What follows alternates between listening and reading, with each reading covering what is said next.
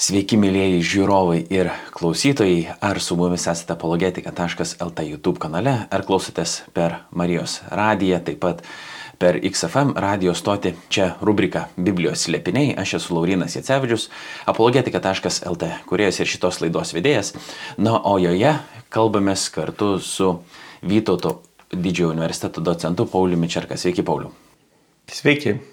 Aptarinėjame pradžios knygą, jau pasistumėjome iki 26 eilutės, kaip jos yra suskirstytos. Šiandien kalbėsime apie mums be neįdomiausią temą, tai yra žmogaus sukūrimą. Pirmasis pasakojimas apie žmogaus sukūrimą mūsų laukia. Jei ką nors praleidote, viską galite rasti ir Marijos radio archyvose, e, rubrikoje Biblijos slėpiniai, taip pat apologetika.lt YouTube kanale. Ten mus ne tik išgirsit, bet ir pamatysit. Beje, priminsiu ir pareklamuosiu, kad prieš tai mes kalbėjome apie mokytojo knygą, mums pavyko visą ją aptarti, be abejo, didžiąją e, sunkumų kilnojimo naštą atlieka Paulius, e, aš tik karts nuo karto įkišu savo trigrašį, e, o dabar bandysim paskaityti nuo 26 eilutės pirmos, pirmos kiriaus pradžios knygos iki pat pabaigos. Skaitysiu iš dviejų vertimų - ekumeninio vertimo prelato rūpšio tai mums puikiai pažįstamo visiems tikriausiai, e, tada iš pažodinio vertimo Gydos Gudauskinės ir kunigo Danieliaus Dikevičiaus, tie, kurie su mumis esate jau nuo pradžių, esate šiek tiek jo girdėję. Ir galiausiai e, duosime paklausyti šiek tiek ir e, kaip šitas tekstas skamba hebrajiškai iš Mechon Mamre puslapio. Į ten galėsite, įdėsime nuorodą, viską galėsite surasti ir e, patys, jeigu norėsite paklausyti, kaip skamba visas skyrius. Na, o dabar bandom skaityti nuo 26 eilutės. Tuomet Dievas tarė, padarykime žmogų pagal mūsų paveikslą ir panašumą.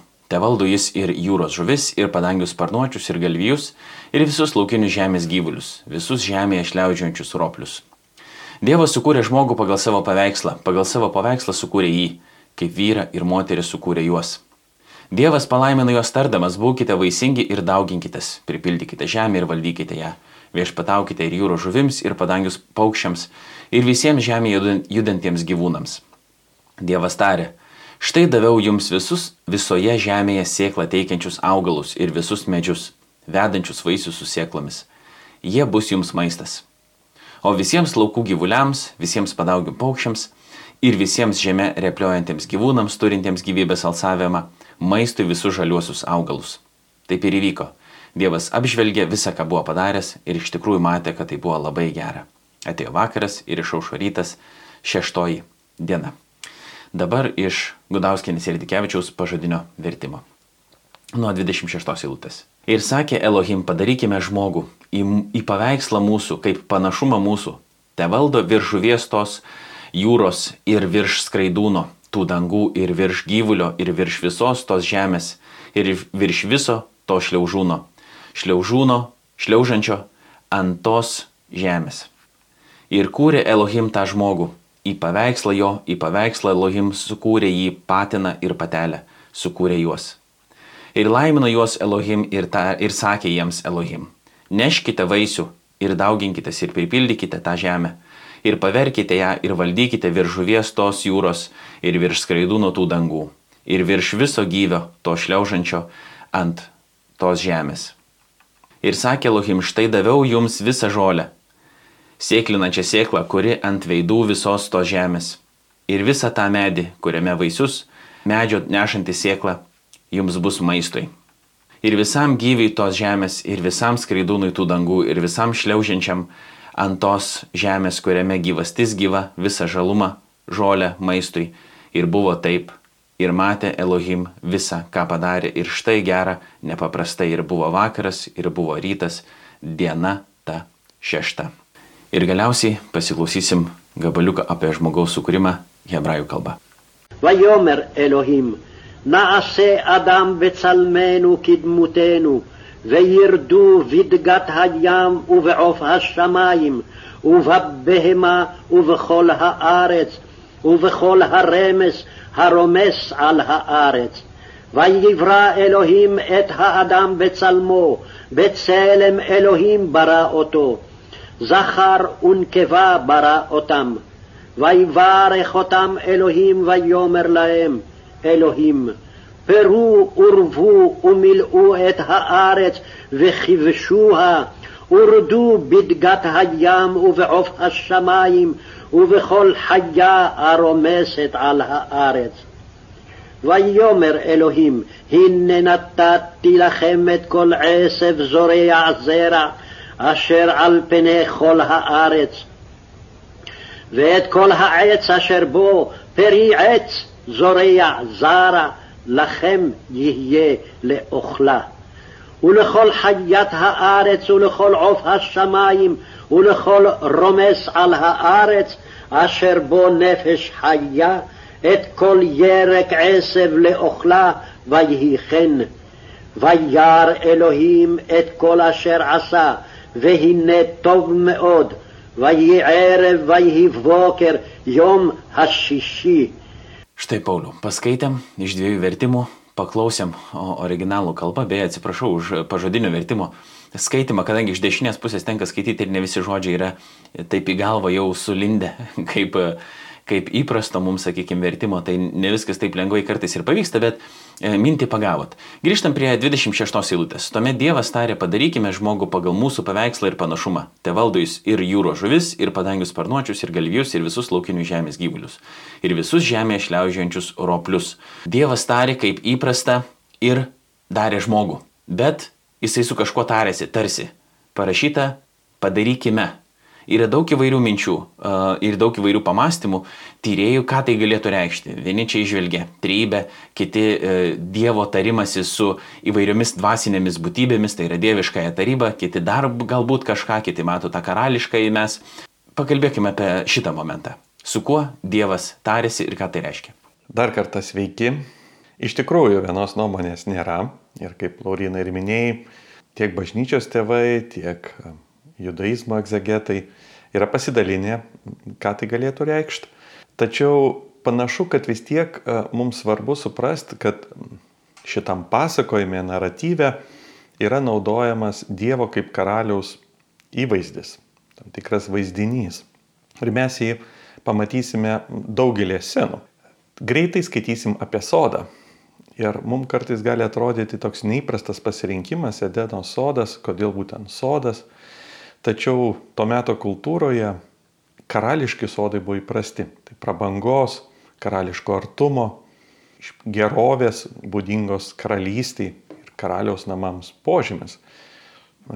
Sodai buvo pas, kara, pas karalius, taigi mes skaitydami apie sodą suprantam, kad tai yra karališkasis sodas, į kurį karalius maloningai pasikviečia žmogų pas save į svečius. Toliau mes a, matysime problema su nuogumu. Ar ne, žmogus bus nuogas, nesigėdys, vėliau nuogas ir gėdysis. Ir iškės klausimas, ko jis gėdėsi.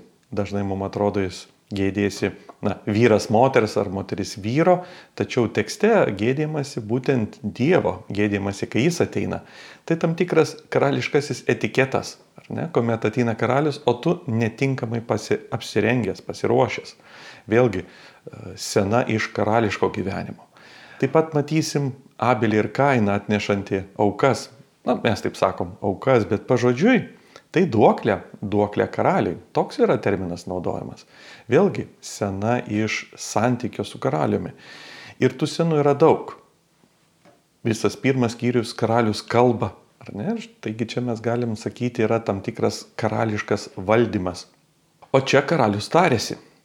Taigi panašu, kad tai tikrai yra karališkasis tarimasis, labai neaišku su kuo. Ar tai vidinis Dieve gyvenimas, švenčiausios trybės gyvenimas, ar tai tarimasis su jo taryba angliškomis būtybėmis, o gal vieną ir kitą kartu, o gal kvietimas visai kūrinį sudalyvauti tame, ką jis ketina kurti. Šiuo atveju turbūt sunkumu atsakyti vienareikšmiškai, bet pats tarimosi faktas yra labai svarbus, jog karalius būdamas nuo nieko nepriklausomas, pajėgus padaryti viską vienas, vis tik nusprendžia dalinti savo planais, kažkuria prasme tartis. Čia turbūt mums ataidė žodžiai iš Jono Evangelijos, kuomet Jėzus sako savo mokiniams, kadangi jums viską pasakiau, nebevadinu jūsų tarnais, o vadinu jūs jau draugais. Būtent draugavimas, draugiškumas yra, kuomet karalius leidžiasi nusižeminti save e, iki savo draugų ir padaryti save tarytum priklausomą nuo jų. Tikrai Dievui nebuvo būtina išgirsti nei išvalgų, nei patarimų, bet vis tik jis nusprendė, neturėdamas realaus poreikio, vis tiek nusprendė tartis. Tai yra tam tikras jo braižas ir čia reiktų, na, man labai užstrigo 12 amžiaus garsaus judaizmo egzegeto teologo rašy komentaras, kad tai yra šventojo kuklumas, Dievo kuklumas, jog jis, būdamas viso ko valdovas, vis tik tarėsi ir nusižemina. Šitos eilutėse pagrindinė tema yra valdymas. Kaip žmogui reikia valdyti. Koks yra tikrasis valdymas. Ir jau nuo pačios pradžios, nuo to žodžio padarykime, nuo to tarimosi mes išgirstame, kad tai nėra tironiškas valdymas, nes pats karalius netoks.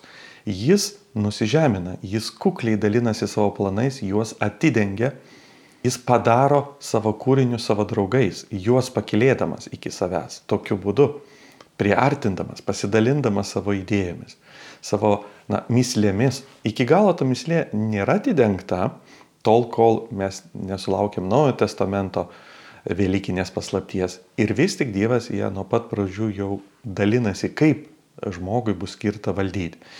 Taigi tai yra valdymo, dangiško valdymo modelis, girdimas iš paties Dievo veiksmų ir kuriais jis bando perteikti tą, ką jis išsirinks įvaldyti jo, jo vietoje.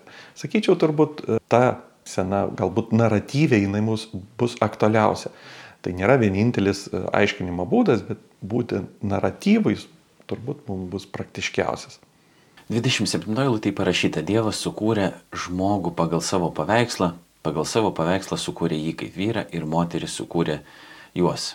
Vėlgi, daugelis egzeketo atkreipė dėmesį ir tiesiog akylas skaitytojas taip pat irgi uh, pastebės, kad uh, nors iš pradžių Dievas sako, padarykime žmogų pagal mūsų paveikslą ir panašumą, 27 eilutė rašoma, kad Dievas sukūrė žmogų tik pagal savo paveikslą. Kur prapuolė tas panašumas?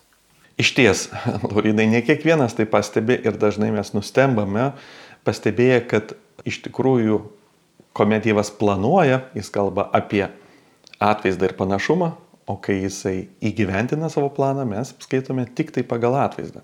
Ir panašumas tarytum dinksta. Tie du žodžiai, celem, demut, jie, jie yra labai turtingi savo prasmėmis. Viena vertus, e, mes galim kalbėti ontologiškai, kuo žmogus panašus į Dievą ir čia bažnyčios tėvai yra iš tikrųjų padarė didelį įdirbį, kalbėdami apie mūsų sielos galės, mūsų intelektinį gyvenimą, jog mes galime panašiai kaip šventoji trybė pažinti, suvokti ir mylėti. Tuo būdu žmogus tampa panašus į Dievą, ontologiškai. Bet pasakojime, naratyvo seka, mes kalbam apie valdymą, ar ne? Jog karalius svarsto, kągi paskirti savo vietininku. Ir čia svarbu jau dabartiniai tyrėjai pastebi, kiek mums tampa žinomas to meto kultūrinis gyvenimas, jog buvo įprasta karaliams, faraonams, kuomet plėsdavosi jų valdymo sritis, pastatyti savo statulas, būtent savo atvaizdus, paskirti žmonės, kurie valdytų jų vardu. Ir šiuo atveju mes turbūt matom tokią sceną, jog visa ko kuriejas renkasi, ką jis paskirs kūrinį į savo atstovų. Nors tiesa, mes galime žiūrėti į žmogų ontologišką panašumą į Dievą, bet na, sakykime, pasakojime idėja yra, kad žmogus skiriamas būti Dievo atstovu ir valdyti jo vietoj jo, jo vardu, atstovauti Dievą kūrinyjei, jog nematomas Dievas galėtų būti pažįstamas per matomą žmogų. Ne, tokia, tokia turi būti uh, pačio naratyvinė tokia idėja, nors be bejonės galima kalbėti ir apie žmogaus sielos uh, panašumą ir tas sielos galės pažinti ir mylėti, laisvai mylėti, laisvos valios, uh, galimybė. Tas taip pat tiesa. Pradžios knygoje mes sutiksime Juozapą, ne, kuris bus faraono atvaizdas ir panašumas, aprengtas lyg faraonas ir atrodys lyg faraonas žmonėms, jis atstovaus faraoną, kurio niekas nėra matęs, bet jo valdymas bus išreiškiamas per Juozapą. Tai beveik, beveik Juozapas įgyvendino tą pašaukimą, ne iki galo, bet atrodytų beveik ir jame mes bent jau matom ir tą kultūrinį paprotį ir pačią idėją, kad čia yra žmogus kviečiamas būti tuo atvaizdu ir panašumu. Irenėjas, turbūt tas iš bažnyčios tėvų vienas pirmųjų pastebėjęs šį, kiekime, skirtumą, taip pat akcentuoja, kad vieną, vieną mes gauname gimimu, kitą mes gauname augimu, brendimu. Jok žmogus ir gimsta panašus, bet e, gimsta pagal atvaizdą, bet panašumas turi būti dinaminis, jis turi būti subręsti. Kartais mes sakom, vyrų negimstama, tampama. Tačiau šitoje lūtė reikėtų pasakyti, kad vyrų ir gimstama, ir tampama. Arba moterimi ir gimstama, ir tampama. Arba vaikų užauginti reikia viso kaimo. Ne? Tai tos idėjos yra tokios, kad neužtenka tik gimti, reikia subręsti. Žmogus iš tikrųjų įsiskiria iš kitų gyvūnų, pavadinkime taip, jog jam užauginti būtinas yra auklėjimas. Gyvūnams to nėra. Jie turi instinktus ir to be praktiškai užtenka. Žmogui ne, žmogui neužtenka tik gimti, jį reikia, jam reikia subręsti į kažką dar.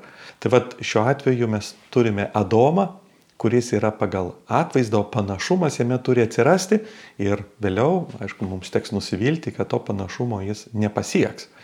Ir Naujojo testamente yra mums parodomas naujasis Adomas, kuris yra tobulai panašus į Dievą kaip žmogus ir netgi e, yra tikras Dievas. Tai čia idėja yra brandos, panašėjimo, dinaminė idėja ir idėja to, kad žmogus kitiems, kitai kūriniai turi būti tuo nematomo Dievo valdymu.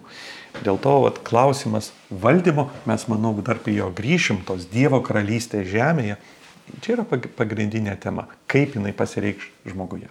Kaip Jūs reaguotumėte tokią mintį, kad Dievo atvaizdas arba Dievo paveikslas yra ne kiekvienas individualus žmogus, o e, žmonija kaip tokia?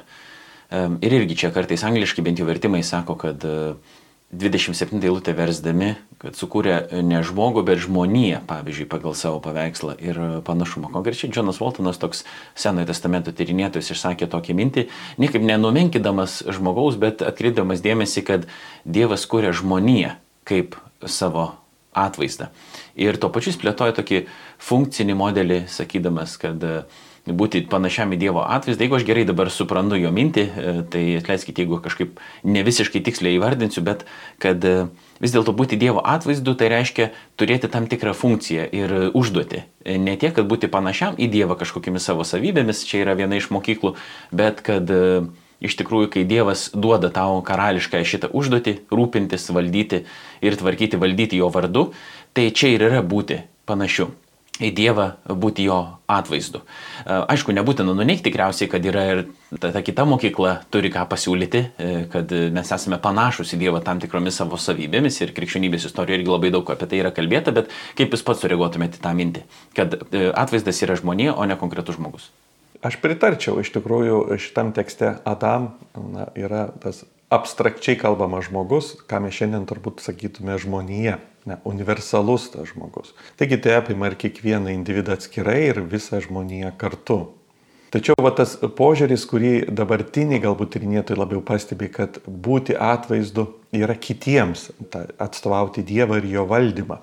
Ne tiek, kuo mes savyje panašus, nes iš tikrųjų kiekvienas kūrinys tam tikrų būdų ir laipsnių turi panašumą į Dievą. Muo yra panašus tuo, kad jis yra.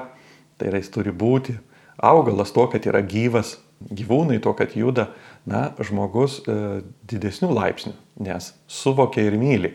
Ne, jis turi, turi daugiau panašumo, bet visa kūrinė tam tikrų laipsnių turi tam tikrą panašumą į kurėją. O atvaizdas ir pavydalas tik žmogui duodamas, taigi jis yra pašauktas valdyti, atstovauti e, Dievą. Tačiau čia dažniausiai, kai mes girdime žodį valdyti, jis mums vis tik asocijuojasi su ne tuo valdymu, apie kurį Dievas turėjo menį. Jau pačioje pradžioje aš kalbėjau apie Dievą, kuris tarėsi su tais, su kuriais jam nebūtina tartis, ar ne, apie kuklumą tam tikrą, nusižeminimą Dievo. Štai čia mes taip pat girdime, tas pats mano minėtas rašys sako, kad tekstas, kuris sako, tegul jie valdo, gali būti ir verčiamas būti valdomais. Tai yra ataidi galbūt e, Kristaus žodžiai, kas nori būti pirmas, turi būti visų tarnas, turi būti paskutinis. Ir būnant paskutiniu, tu tikrai tampi pirmu. Ne toks įdomus valdymo modelis, tas dangiškasis valdymas. Kalno pamokslė, pirmasis palaiminimas, juk skamba irgi ta tema. Jis sako, laimingi tie, kurie yra vargšai dvasioje, nes jų yra dangaus karalystė. Tai karalystė yra tas valdymas, į kurį žmogus pašauktas, bet pasirodo jis yra duodamas kam? Tiems, kurie yra skurdus dvasia. Dvasia tai yra mūsų ta energija, gyvybiškumu.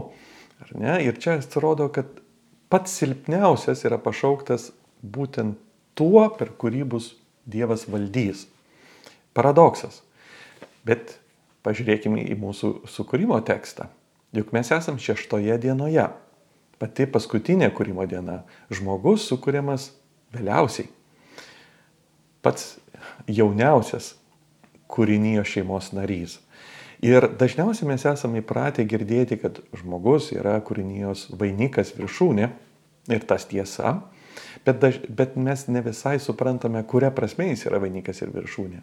Nes pasakojime jis yra jaunėlis, jis yra vaikas kaip psalmė 8, kur yra pirmos psalmė knygos pats pats centras, yra nuostaba, jog mažylių lūpomis Dievas pastatys savo šlovę, stebisi angelai e, žmogumi, kas jis toks.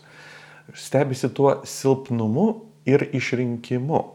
Dievas išsirenka patį jauniausią, nestipriausią, neintelektualiausią, bet kūrinijos kontekste vėliausiai gimusi, vėliausiai padaryta, taigi to meto kultūroje supratimu patys silpniausia.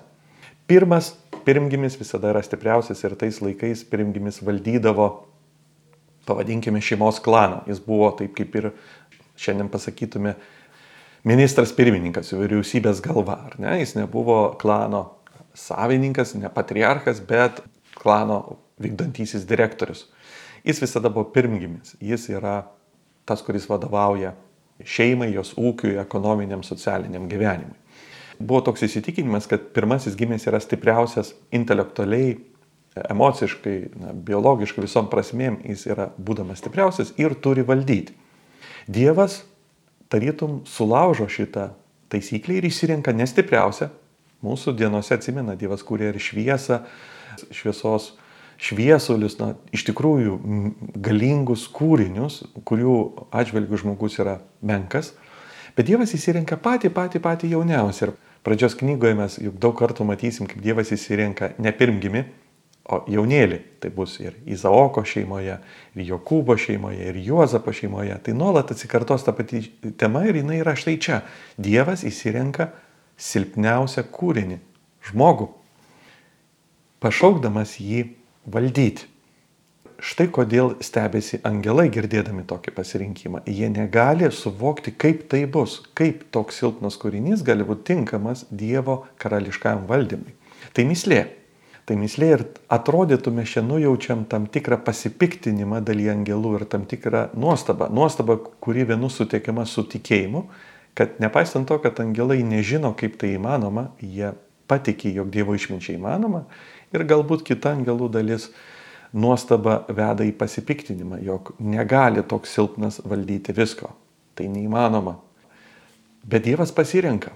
Ir mes, aišku, tą atomasgą galime matyti tik tai Kristaus kryžiuje, būdami krikščionys mes būtent taip tikime, kad jame išsipildė tas silpnumo pasirinkimas valdyti ir išaukštinimui skirtas žmogus. Šitoj scenoje, aišku, mes nežinome kaip, bet jau matome tipinį Dievo pasirinkimą. Pasirinkimas silpnojo, kad jis valdytų būdamas paskutiniu. Ar ne? Toks Dievo valdymas visai kitoks, dangiškas valdymas visai kitoks negu žmonių tironija, žemiškas valdymas, ar ne? Primesti valią kažkam, o ne tarnauti.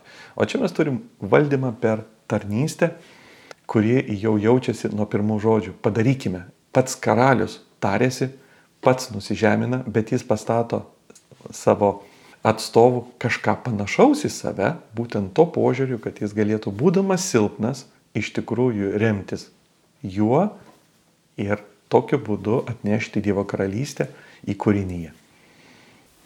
Čia galima prisiminti Naujojo testamento ištrauka, irgi kontroversiška pakankamai, kur kalbama apie vyro kaip e, šeimos galvą, ar vyrą kaip galvą moteriai. Ir e, tik tais daug kas praleidžia tą eilutę, kur pasakyta, kad e, vyrai mylėkite žmonas taip, kaip Kristus pamilo bažnyčią ir atidavė už ją save. Tai ta valdžia yra toli gražu ne tokia, kaip kad kai kurie įsivaizduotų arba kad norėtų, bet ta valdžia yra ta, kuri aukoja absoliučiai save, o Kristus kaip aukojo savo gyvybę, netgi paukojo uh, už bažnyčią, taip įrodydamas meilę, tai atrodo ta valdžia ir netgi tas stiprus žodis pažodinėme vertime yra nu, vartojamas paverkite. Tai tas pavergimas dabar, ką reiškia, čia aišku jau kitoks kontekstas, kalbant apie pradžios knygą, bet tas pats valdymas, kaip Paulių nekartą išskyrė, tai irgi jis yra nuolankume ir galime daug kartų tikriausiai pridėti ir paminėti, kad Dievo meilė, kadangi didžiausias Dievo įsakymas mylėti Dievą ir mylėti artimą kaip patį save. Ir jeigu valdžia ateina per meilę, per nuolankumą, nusižeminimą ir savęs aukojimą vardant kito, tai jinai atrodo visiškai kitaip negu kad e, šio laikinio, arba ne šio laikinio, bet apskritai šio pasaulio, bet jeigu tai būtų galima pasakyti. Noriu dar atkreipdėmėsi į kad tai, kad Dievas sukūrė žmogų pagal savo paveikslą kaip vyrą ir moterį sukūrė juos. Galbūt galima šitą vietą kažkaip pakomentuoti, kad kai išskiriamos yra lytis. Na, pirmą mes matome, kad tiek vyras, tiek moteris yra tokia pat, taip pat vienodai nešioja Dievo paveikslą. Jie abu nešioja ir galima ir kitą išvalgą padaryti, kad kalbant apie vyrą ir moterį, yra numanoma šeima ir kad šeima tam tikrų būdų taip pat nešioja Dievo paveikslą. Ir dažnai, vat, ir su pačiu Laurinai ten kartais diskutuojam, kas e, gražiausiai galėtų na, būti trejybės, gal pavadinkime, modelis, įvaizdis. Ir aišku, mes žinom, kad jie, niekas iš kūrinių e, jos neatspindi, ji yra radikaliai kitokia ir mes neturime gero pavyzdžio, ką mes be pasirinktume, visada bus netobulumas, bet vienas iš modelių, bet tam tikros su, supaprastinimu galėtų būti šeima, jos vienumas, bendrumas ir tuo pačiu uh, meilė, susivienimas, tarytum būti vienu kūnu, bet kita vertus dviem asmenim. Tai tam tikrų būdų atrodo, ir čia mes girdime, kad Dievas kalba apie kažką, kas jį atstovaus, bus jo atvaizdu ir pasirenka ne vyrą ir ne moterį atskirai, bet juos kartu kaip, kaip šeimą turbūt. Tai čia irgi galima tą išvelgti. Bet vėlgi, tiek vyras, tiek moteris čia yra parodyti nešiojantį savyje Dievo atvaizdą, orumu lygus, nei vienas nėra kilnesnis už kitą. Šitam pasakojimui aiškiai yra perteikta ta jų na, lygybė. Gal dar vieną norėčiau grįžti atgal apie tą atvaizdą, ar ne, jog dažnai mes nepagalvojam, skaitydami, kad atvaizdas tarytum yra atskiras žodis, apie kurį reikia pamastyti. Juk Dievas nepasakė, padarykime žmogų pagal save. Ar ne, jis pasakė pagal atvaizdą. Ir čia Filonas Aleksandrietis, pirmo amžiaus teologas, mąstytojas, žydų mąstytojas, jisai pastebi, kad atvaizdas yra kažkas kito. Dievas galėjo padaryti žmogų pagal save, bet jis daro pagal atvaizdą. Čia labai svarbi teologinė išvalga yra, kad tas žodis, jau apie kurį mes kalbėjome išeinantis iš Dievo, yra tai, kas gyveno Dieve ir yra jo paties atvaizdas. Tai yra tas pats žodis, yra paties savęs pažinimas, reiškia Dievas savimi pažįsta save ir pažindamas save jis turi savo paties atvaizdą. Ir Dieve tas atvaizdas tarytum yra atskiras dieviškas asmuo. Mes nežinom, Kaip taip yra, žmoguje to neįvyksta, bet Dieve, e, Dievo atvaizdas ir yra taip pat dieviškas atskiras asmo. Taigi, pirmose eilutėse jis yra tas žodis, kurio viskas sukūriama, o štai čia jis yra atvaizdas, pagal kurį yra kuriamas žmogus ir kuriam yra kuriamas žmogus, į kurį nukreipiamas žmogus. Ir jau Naujojo testamento autoriai, ypatingai Paštas Paulius, kalbės apie Kristų kaip neregiamą į Dievo atvaizdą, į kurį mes esame orientuoti ir nukreipti kaip žmonija į naują žmogų ir į naują žmoniją. Šiuo atveju iš tikrųjų yra svarbus aspektas, kad jau nuo pirmų Biblijos puslapių mes matom tam tikrą vidinį Dievo gyvenimą. Yra amžinai žodė esanti Dieve, o čia jis yra vadinamas jau atvaizdu, paties Dievo savęs atvaizdu Dieve. Ir kiek svarbu tada mums pamastyti apie tas vietas e, laiške, antram laiške korintiečiam arba laiške kolosiečiam, kur Kristus yra vadinamas Dievo atvaizdu arba Dievo ikona, dar galima taip e, versti. Tai yra susiję su šituo, mes tarsi turim pradžios knygui provaizdį ir galiausiai Naujam testamente mes jau sužinom, kas yra tas tikrasis Dievo atvaizdas ir ką reiškia jo būti. Taip, būtent taip. Jog čia mes kalbame, kad yra kažkoks atvaizdas Dieve, pagal kurį yra kūriamas žmogus. O Naujam testamente mes sužinome slėpinį, kasgi tas atvaizdas yra, nes atvaizdas tampa žmogumi. Jis pats tampa žmogus. Tai šiuo atveju slėpinys praskleidžiamas ir mes pamatome apie tai, ką tik skaitėme ir nuvokėme, jautėme. Šiuo atveju Naujojo testamento Velykinis slėpinys mums parodo Tomasgą, jog žmogus, būdamas iš tikrųjų silpnas kūrinijos prasme, buvo pašauktas labai garbingai valdyti ją Jėzuje Kristuje, jo kančioje, jo silpnume ir jo išaukštinime mes pamatome, kaip tai sudera. Ir, ir iki to tai buvo uždengta. Net angelai, kurie tikėjo, jog tai yra įmanoma, jie nežinojo, kaip taip bus. Jie nežinojo Velykinio slėpinio iki tol, kol jis neįvyko. Tai šiuo atveju tai buvo jų tam tikras išbandymas pasitikėti Dievu ir jo planu. Galima gal tokia šiek tiek ir galbūt šmaišę temą pačiupinėti, nes bet yra, yra tokių minčių, kurias yra tekę girdėti, net esu gavęs knygą vieną, kurią buvau ragintas paskaityti, kuri rėmėsi tą mintimi, kad žmonės pačioje pradžioje buvo vegetarai ir iš principo mėsos nereikėtų valgyti netgi krikščionių ratuose, kai kur taip yra manoma, tai gal atrodytų kažkiek ir kai kuriem keista arba netgi e, galbūt jokinga, bet e, vis dėlto e, mintis gilesnė, kurią verta galbūt yra aptarti ir irgi ta gyvūnų mirtis iki nuopolio, vadinkim taip. Ir čia 20 Devintoji lūtė yra parašyta taip, kad Dievas tarė, štai daviau jums visus žemėje sėklą teikiančius augalus ir visus medžius vedančius vaisius su sėklomis, jie bus jums maistas. O tada jau gyvuliams irgi ką davė. Tai kad tarsi žmogus buvo skirtas valgyti vaisius ir kurie taip pat pažodžiui skaito ir sako, va, reikia valgyti vaisius ir mėsos valgyti negalima. Kaip įmatyti tą gilesnę prasme, ką šitas eilutės nori pasakyti. Ir taip pat gal su tuo yra susiję, kaip įmatyti gilesnę prasme irgi kai kuriem, kurie atvaizdas jiems reiškia fizinį atvaizdą, nieko kito daugiau nebeišeina įmatyti. Ne, kad jeigu mes esame sukurti pagal Dievo atvaizdą, reiškia mes atrodome kaip Dievas ir tada, kai bando sujungti taškus, Kristus tapo žmogumi, tai vad Dievas tai gal turėjo tokią idėją, tokį mintį, kaip turėtų atrodyti žmogus ir tada pagal Kristus atvaizdą kūrė mus. Tai kaip pramušti galbūt tą tokį pažodinį visiškai paviršių ir įmatyti gilesnę prasme. Iš ties, e, Dievas juk yra dvasia, jis neturi kūno ir tuo būdu mes nesame e, na, panašus, e, kad tarytum Dievas turėtų rankas ar, ar kitas kūno dalis. Dievas yra tobulai vientisas arba filosofinė kalba tariant, paprastas, mes visi kūriniai tokie nesame ir tuo labiau mūsų kūnai yra dalis, turi savo dalis ir, ir panašiai. Tai to visai mes nepanašus tuo atžvilgiu.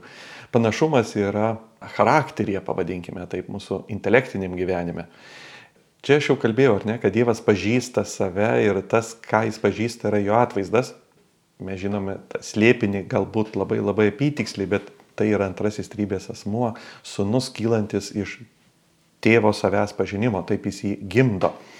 Na, mes irgi galim suvokti dalykus ir suvokti netgi save, tai tuo būdu bažnyčios tėvai matė yra panašumą ir vėlgi meilė tarp tėvo ir sunaus, valios aktas, na, iš jos tarytum dvelkia dvasia, taip jį kyla Dieve ir žmogus yra tas, kuris gali mylėti. Tai tuo požiūriu mes iš tikrųjų turim panašumą savo suvokimo gale ir mylė, meilės gale.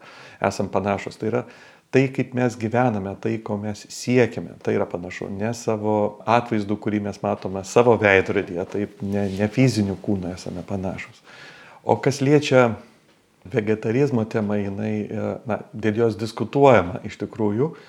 Tekstas uh, nėra vienareikšmiškas, nepasakysiu ir aš savo kažkokios nuomonės. Tomas Akvinėtis, jis mąstė, kad uh, žvėris ir iki nuopolio galėjo valgyti vieni kitus, tie plėšrų žvėris. Tai neprieštaravo tekstui, nes panašu, kad pačiam sodė to nereikėjo, bet ne, nebūtinai visoje žemėje. Na ir mes, aišku, daugiau akcentas yra, kad žmogui nereikėjo e, valgyti žvėrių, ne, todėl kad sodė viską užteko. Tai konkrečiai jo gyvenimas sodė, tol, kol jis gyveno sodė, buvo apribotas būtent tokiu, parodant, kad sodo užtenka. Tai akcentas yra, kad jam užteko sodo medžių. Bet po nuopolio jis nebegyvena sodė ir tuomet e, na, nojų jau Dievas paaiškina, kad e, galima valgyti ir gyvūnus. Bet čia akcentas yra iš tikrųjų ne maisto sveikume, gyvūnai ar, ar augalinis maistas, akcentas yra, kad Dievo sukurto sodo užteko visa, viskam.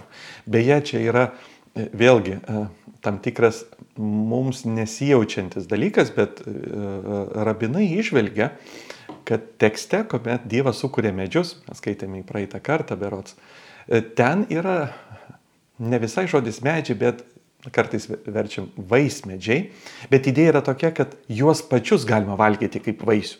Kai Dievas pasakė, tai išaugina žemę vaismedžius, tai yra pats medis turi būti valgomas. Ne tik kai jis išaugina, bet pats medis valgomas. O žemė išaugina netobulai, jinai išaugina medžius, kurie jau duoda vaisių, bet patys nėra vaisius.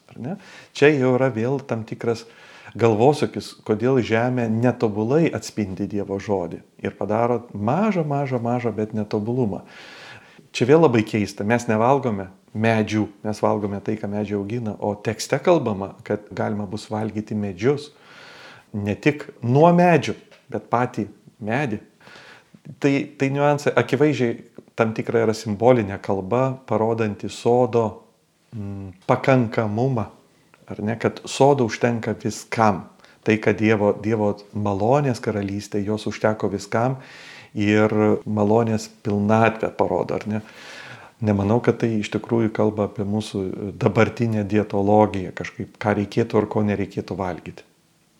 Paskutinė mintis, kurią vertėtų mums aptarti, kadangi laikas jau visiškai e, baigėsi, Tai 31 eilutė parašyta, kad Dievas apžvelgė visą, ką buvo padaręs ir iš tikrųjų matė, kad tai buvo labai gera. Prieš tai Dievas, kai kažką sukuria, sako, rašoma, kad Dievas matė, kad tai buvo gera, kad tai buvo gera, kad tai buvo gera, o dabar Dievas apžvelgė visą, ką buvo padaręs ir iš tikrųjų matė, kad buvo labai gera. Ką apie tai būtų galima pasakyti? Tuo, kad Dievas užtvirtina, e, sukūrė žmogų, ar ne, jis pa, e, užbaigė, galima pasakyti, visą savo kūrinyje, bet ne ta prasme, kad kūrinyje nustojo būti jo veikiama ir prižiūrima, bet sakoma yra ir tai, kad Dievas būdamas menininku, lyg menininkas, visada mato galutinį savo veiksmų rezultatą, o ne tik pradinį. Todėl matydamas, į ką viskas bus nuvesta, jis matė, kad tai yra labai gera reiškia, matydamas tuos paskutinius puslapius, kuriuos jau skaitome prieškimo knygoje, būtent tą sceną, jis galėjo pasakyti, kad viskas yra labai gera. Mums taip netrodo iš tikrųjų einant kelionėje, nes mes nematome to visko, į ką viskas bus nuvesta, o Dievas mato ir pradžią, ir pabaigą, ir matydamas ir pradžią, ir pabaigą jis gali pasakyti, kad viskas tikrai yra labai gera. Ačiū Pauliau, ačiū visiems, kurie esate, buvote ir viliuosi būsite kartu su mumis klausėtės laidos Biblijos slėpiniai, kuri pasirodo Marijos radio eterija, taip pat transliuojama ir XFM radio stotyje, o vaizdinių pavydalų e, įkeliama ir apologetika.lt YouTube kanalą. Beje, jeigu norite ką nors pakomentuoti, paklausti, pastebėti ar e, suteikti instruktyvios kritikos, galite parašyti e, adresu info at apologetika.lt. Taip pat žinau, kad e, kai kurie kreipiasi ir tiesiogiai į Marijos radiją, tai galima ir taip daryti. Aš esu Laurinas Jacevičius, apologetika.lt, kuriejas ir šitos laidos vedėjas. Visada laukiame jūsų grįžtamojo e, ryšio. E, šitas laidas kūrėme ne tik dėl to, kad mums yra smagu, bet vilėmės, kad ir tai suteikia bent kažkokio peno pamastymui ir, ir jums. Mums tai tikrai to yra, man tai tikrai to yra, kalbant su Pauliumi. Tai dar kartą ačiū visiems ir dar kartą ačiū Pauliu.